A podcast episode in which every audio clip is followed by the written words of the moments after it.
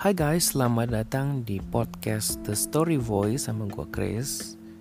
Dan ini adalah episode ketiga. Tema yang akan kita bahas hari ini adalah tentang Satu, apa ya bilangnya? Satu aktivitas Satu perasaan Atau satu keadaan mungkin Yang gue rasa dialami sama semua orang.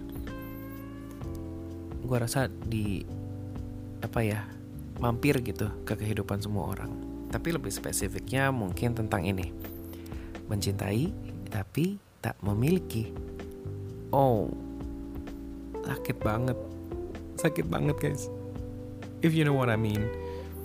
Karena uh, gini, ketika lo ketemu seseorang kan sebenarnya lo tuh belum tentu ada rencana mau suka.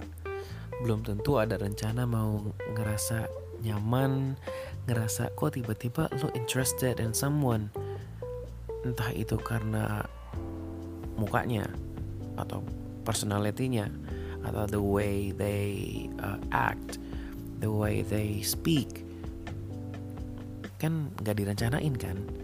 Mostly itu pasti ya gue nggak tahu sih. Mungkin kalau memang specifically mereka nyari jodoh atau nyari pacar mungkin tertarget gitu. Cuma kan ya tetap aja. Nah namanya hati lo nggak akan tahu one day lo ketemu seseorang atau justru sebenarnya mungkin teman lama lo tapi suatu hari perasaan lo berubah kita nggak tahu. Atau orang baru tadi misalnya baru ketemu terus tiba-tiba you are kayak you apa ya engaged gitu sama dia. Baru kenal tapi omongannya nyambung atau ngerasa kayak kok cocok ya? Kita nggak akan pernah tahu kapan lo akan interested in someone more than just a friend. Um, cuma kalau udah kejadian akhirnya lo pasti akan wanting more you want more. Um, bicara soal romance gitu ya in a relationship in romance um, nggak mungkin lah kalau lo udah suka sama orang terus nggak ada ekspektasi lo pengen lebih dari dia. Lebih dalam arti tuh lo pengen punya hubungan gitu sama dia. Yang lebih spesifik lagi lo pengen jadi pacarnya ya gak cuma faktanya kita nggak akan ngomongin soal uh, mereka yang lancar terus jadian beneran ya. Karena malam ini kalau lo suka sama orang lo deketin and then lo jadian itu sih udah biasa banget. Itu ceritanya basi guys. So basi lo tau nasi udah basi jadi kerak gitu kan? Ya kayak gitu cinta tuh kayak gitu. Digigit gak bisa sakit keras and everything gitu kan ya ya udah gitu doang. Tapi kalau cinta yang nggak tergapai gimana? Kalau cinta yang lo suka sama orang lo cinta tapi lo nggak bisa dapetin dia. Uh, uh, karena banyak faktor gitu. Banyak hal yang mungkin menghalangi lo dari diri lo sendiri ataupun dari uh, sisi si gebetan lo atau lingkungan lo will never know. Kadang lo bisa berencana se baik mungkin. Rasanya kok positif tapi faktanya belum tentu bicara kayak gitu. Gue pernah beberapa kali suka sama perempuan yang gue rasa tipe gue. Yang gue rasa ini cewek kenapa? She is my type. Really my type. Ini zaman gue SMA ya tapi gue nggak bisa dapetin dia karena pada saat itu gue ngerasa guanya tuh cupu banget. Gue cuma gue nggak ngerti gue gue nggak terlalu mengerti sebenarnya pacaran itu kayak gimana dulu. Dan yang lebih apa ya bilangnya lebih faktual gitu dianya udah punya pacar. Ini waktu gue baru masuk SMA gue ingat banget teman sekelas gue dia udah punya pacar dan ya mau gimana? Nggak nggak bisa diubah keadaannya dan dia nggak mungkin juga milih gue pada saat itu. I was apa bilangnya? I think I was a dork at the time yang she wasn't interested in me whatsoever. Ya udahlah akhirnya. Cuma itu berjalan sampai gua kelas berapa ya pokoknya selama kelas 1 SMA itu kayak I had a crush on her. Dia tahu sih. Dan dia juga um, awalnya kayak agak gimana gitu. Karena dia udah punya pacar juga dan juga nggak mungkin ngasih jalan ke gue gitu kan. But she knew that I had a crush on her. Ma ya udah. But finally kita temenan aja sih. Tapi rasanya sakit. Because I couldn't have her by my side as my uh, girlfriend at the time. Terus yang kedua juga kayak gitu. Yang kedua tapi gini yang kedua kalau yang pertama itu she's fine with uh, her boyfriend at the time. Tapi yang kedua ini lagi nggak baik hubungannya. And I don't know why uh, pada saat itu dia respon gue. Gue nggak tahu sih. Sebenarnya uh, itu memang benar-benar dia ngerespon gue atau cuma pelampiasan gue nggak tahu. Karena gue ngerasanya sih gue bego banget tuh Lia. Gue nggak tahu kalau mungkin gue cuma dijadiin kayak pelampiasan gitu. Rebound or something I don't know. Tapi ya udahlah cuma itu juga cukup berbekas karena gue nggak bisa dapetin dia nggak nggak apa ya yang kedua ini malah lebih menurut gue lebih parah gitu ya. Karena positif gitu. She was there responding me and my feeling tapi at the end of the day gue nggak bisa dapetin dia. And it was so hurt and to be honest two times I cried over the things that yang berhubungan sama si cewek-cewek ini gitu. Karena I don't know I was cry baby at the time. Oh ya udah itu jadi pelajaran banget. Uh, pelajaran banget. Tapi balik lagi ya pada akhirnya faktanya adalah gue mencintai tapi gue gak, gue nggak bisa memiliki dan setelah itu semua lewat gue pacaran tuh dulu cuma dua kali tapi bukan sama yang ini ya karena ini nggak dapet gitu. Gue pacaran cuma dua kali seumur hidup I'm 29 now and I'm going to to be 30 in a few months. Um, dan selama 29 tahun gue pacaran cuma dua kali. Yang pertama pacar pertama gue tuh cuma tiga minggu yang kedua cuma tiga bulan. Um, kayak probation gitu ya kalau tiga bulan gitu ya nggak tahu juga sebentar banget gitu. Cuma ya udahlah. Tapi anehnya I'm sorry. Maksudnya bukan bukan apa-apa. Gue ngerasanya tidak kesannya tuh beda gitu. Sama yang justru gue nggak dapetin ini. Dua cewek yang gue nggak dapetin ini. Uh, akhirnya gue ngejomblo lama. 10 tahun maybe. If I'm not mistaken 10 years sampai akhirnya gue ketemu seseorang yang she is really my type um, dan uh, gimana ya? Gue I felt so interested in her dan gue berpikir kali ini gue punya tujuan yang lain untuk punya pasangan gitu I have my dreams yang mau gue lakukan sama partner gue nanti. But lagi-lagi nggak bisa karena ada berbagai macam faktor yang gimana ya gak bisa gitu. Dan gue nggak tahu kalau dia pun punya perasaan yang sama sama gue atau enggak gue nggak pernah tahu. Karena gue ngerasanya dia tidak menunjukkan gitu. Atau mungkin gue yang kurang peka gue nggak tahu sih. Tapi gue ngerasanya I didn't get the signs yang obvious gitu yang kelihatan. Ya udah akhirnya nggak jadi. Um, dan kisah begini sebenarnya bukan cuma gue yang ngalamin sih. Ada teman-teman gue juga beberapa yang mereka suka tapi mereka nggak bisa memiliki. Mereka nggak bisa um, mendapatkan seseorang yang sebenarnya mereka mereka tuh ingin bareng-bareng. Mereka ingin sama-sama ingin jadi pacar atau apa pun itu namanya gitu. Tapi nggak bisa. Bukan nggak mencoba mungkin ada yang mencoba. Tapi mungkin kisahnya kayak gue tadi itu ya. Akhirnya at the end of the day everything messed up. And ya udah gitu. Gone away aja with time. Sampai akhirnya kita move on sendiri. Tapi ada juga yang mungkin masih penasaran mungkin masih ngerasa aku masih kepingin coba tapi dia nggak bisa.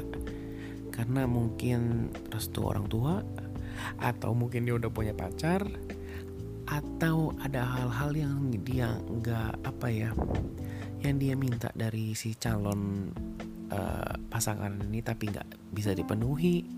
Banyak banget kan faktornya. Banyak banget hal yang akhirnya menghambat hubungan ini untuk bisa diwujudkan. Um, gue tuh uh, apa ya mencintai tapi nggak memiliki itu sederhana sih. Orang kadang bilang ya udah sih cari yang lain aja move on aja. Cari yang baru. Mungkin bukan jodoh. I know gue sih mengerti banget mungkin memang bukan jodoh karena kan kadang uh, apa yang kita nggak sih sering malah ya apa yang kita harapkan belum tentu memang semesta mendukung. Kita kayaknya udah positif banget. Karena gue sempet baca uh, cerita gitu ya di Twitter kalau nggak salah.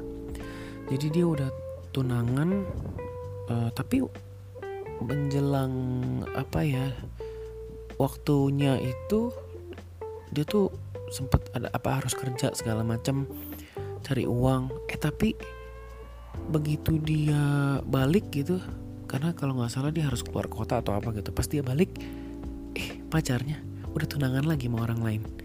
Lo bayangin nggak?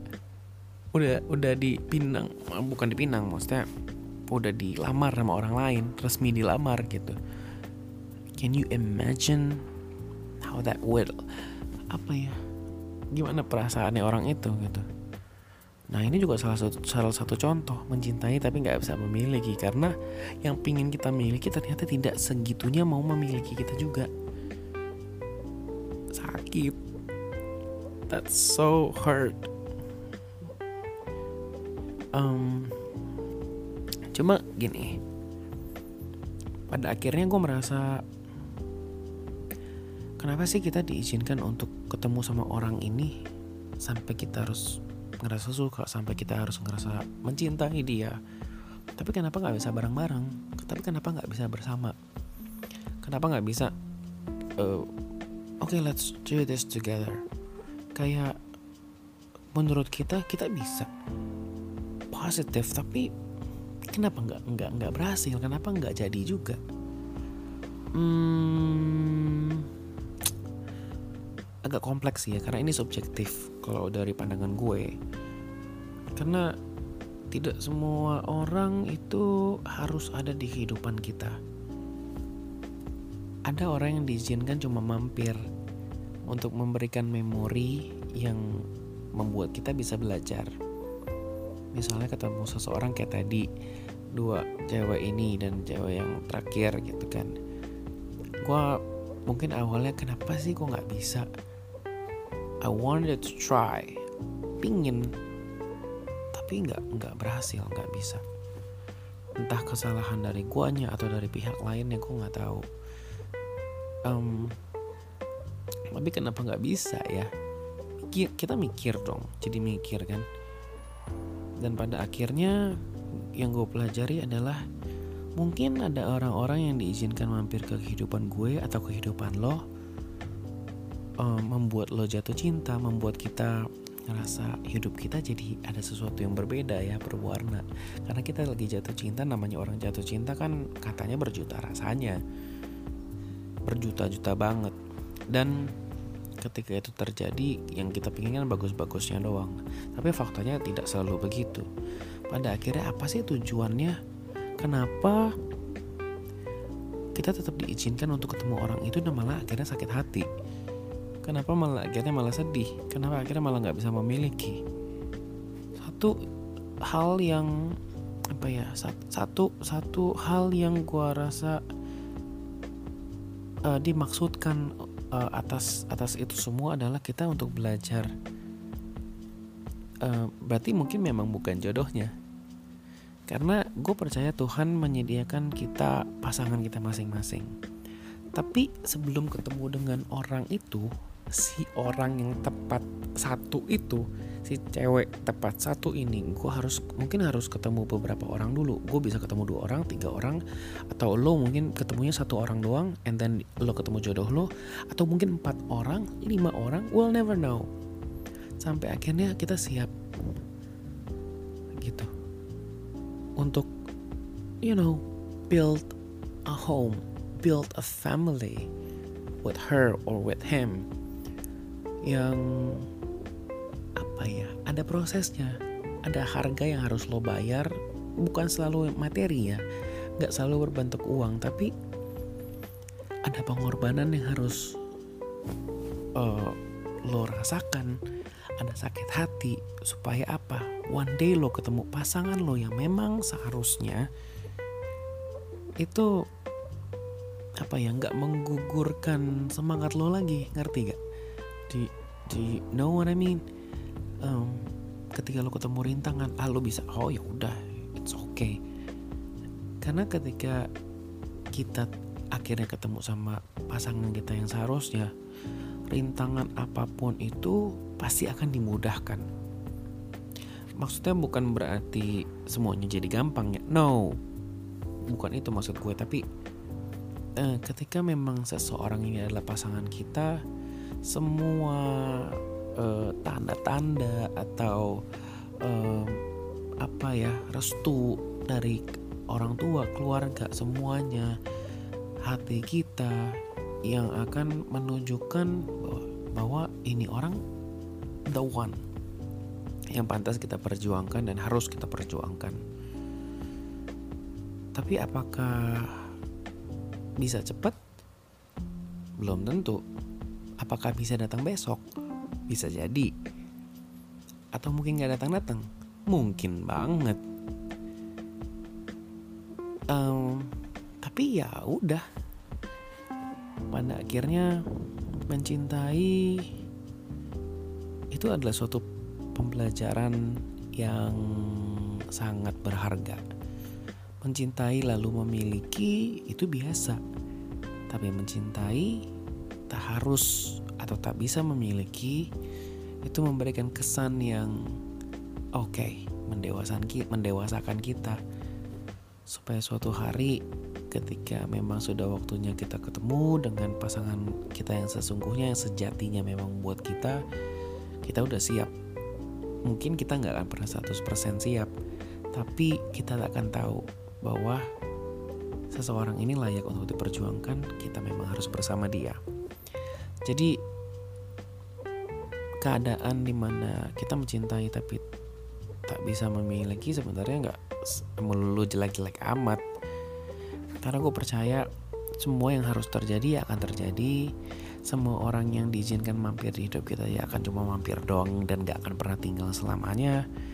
Dan semua orang yang masuk ke kehidupan kita itu akan bawa ceritanya masing-masing. Jadi kalau dibilang oke okay, it might sound a little bit cliche tapi harus disyukuri. Nggak ada hal lain yang bisa kita lakukan selain mensyukuri dan belajar dari kesalahan atau belajar dari cerita mungkin memori yang ada yang pernah lewat di kehidupan kita yang pernah masuk ke kehidupan kita. But that's okay. Really okay. One day we'll see. Uh, sebenarnya yang kita lewatin itu punya maksud apa sih gue tahu memang mencintai tapi nggak memiliki itu udah pasti sakit lah. Udah pasti bleeding lah hati lo. Tapi ya udah. We have to know that uh, the only way to survive is to move on. The only way to survive is not to playing with fire anymore. Sampai suatu saat nanti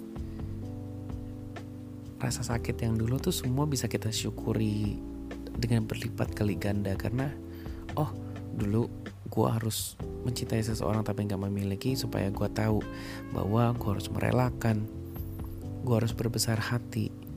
Karena kalau memang bukan jodoh kita mau dipaksain gimana pun ya nggak akan pernah jadi. Toh kan Tuhan menyediakan jodoh buat kita satu persatu dan ya udah persiapkan diri kita. Sampai nanti pas kita ketemu pasangan kita kita tahu dia adalah the one. Satu-satunya yang memang harus ada bersama kita selamanya. Ya adalah kenapa jadi melo begini ya guys? Kenapa jadi sedih begini ya? But I don't know. But everything's gonna be okay I tell you guys everything's gonna be alright. Jadi ya tetap ini aja uh, apa optimistis kalau saat ini lagi mengalami mencintai tapi nggak memiliki look at the bright side bahwa pasti akan ada yang bagus di depannya. Kadang kita kalau simpen uh, itu sebagai memori yang buruk pun maksudnya kita we're, we're living the bad memory itu juga nggak bener juga kita juga harus bisa move on. Dan yang bisa move on maksudnya memutuskan move on yang diri kita sendiri. Bukan orang lain orang lain bisa berbusa-busa bisa apa sampai doer juga bibirnya nyuruh kita move on. Kalau kitanya nggak mau ya nggak akan pernah bisa gitu. Karena gue tahu sih mencintai tapi nggak memiliki itu pasti meninggalkan rasa penasaran yang besar. Meninggalkan rasa penasaran yang kayaknya I have to taste it. I have to try. Tapi ya kalau memang bukan jalannya nggak akan pernah terjadi lah So the only way to survive is to move on, to find our own happiness, the true happiness in life. And that's the only way to, you know, make things easier, make things feel feel felt better, I guess. Dan ya, semoga yang lagi mengalami mencintai tapi nggak memiliki bisa cepat-cepat menyadari bahwa ya sudahlah, emang harus let go okay? So itu aja untuk malam ini. Semoga sharing sederhana ini bisa kasih value buat kalian yang mendengarkan dan terima kasih yang udah bertahan terus sampai episode uh, ketiga ini nantikan terus episode-episode selanjutnya ya karena gue akan bahas banyak banget tema-tema yang lain yang menurut gue juga menarik dan valuable banget dan raising my awareness our awareness jadi Tetap nantikan episode-episode selanjutnya di The Story Voice Podcast. So keep on thinking, keep on listening. Bye guys.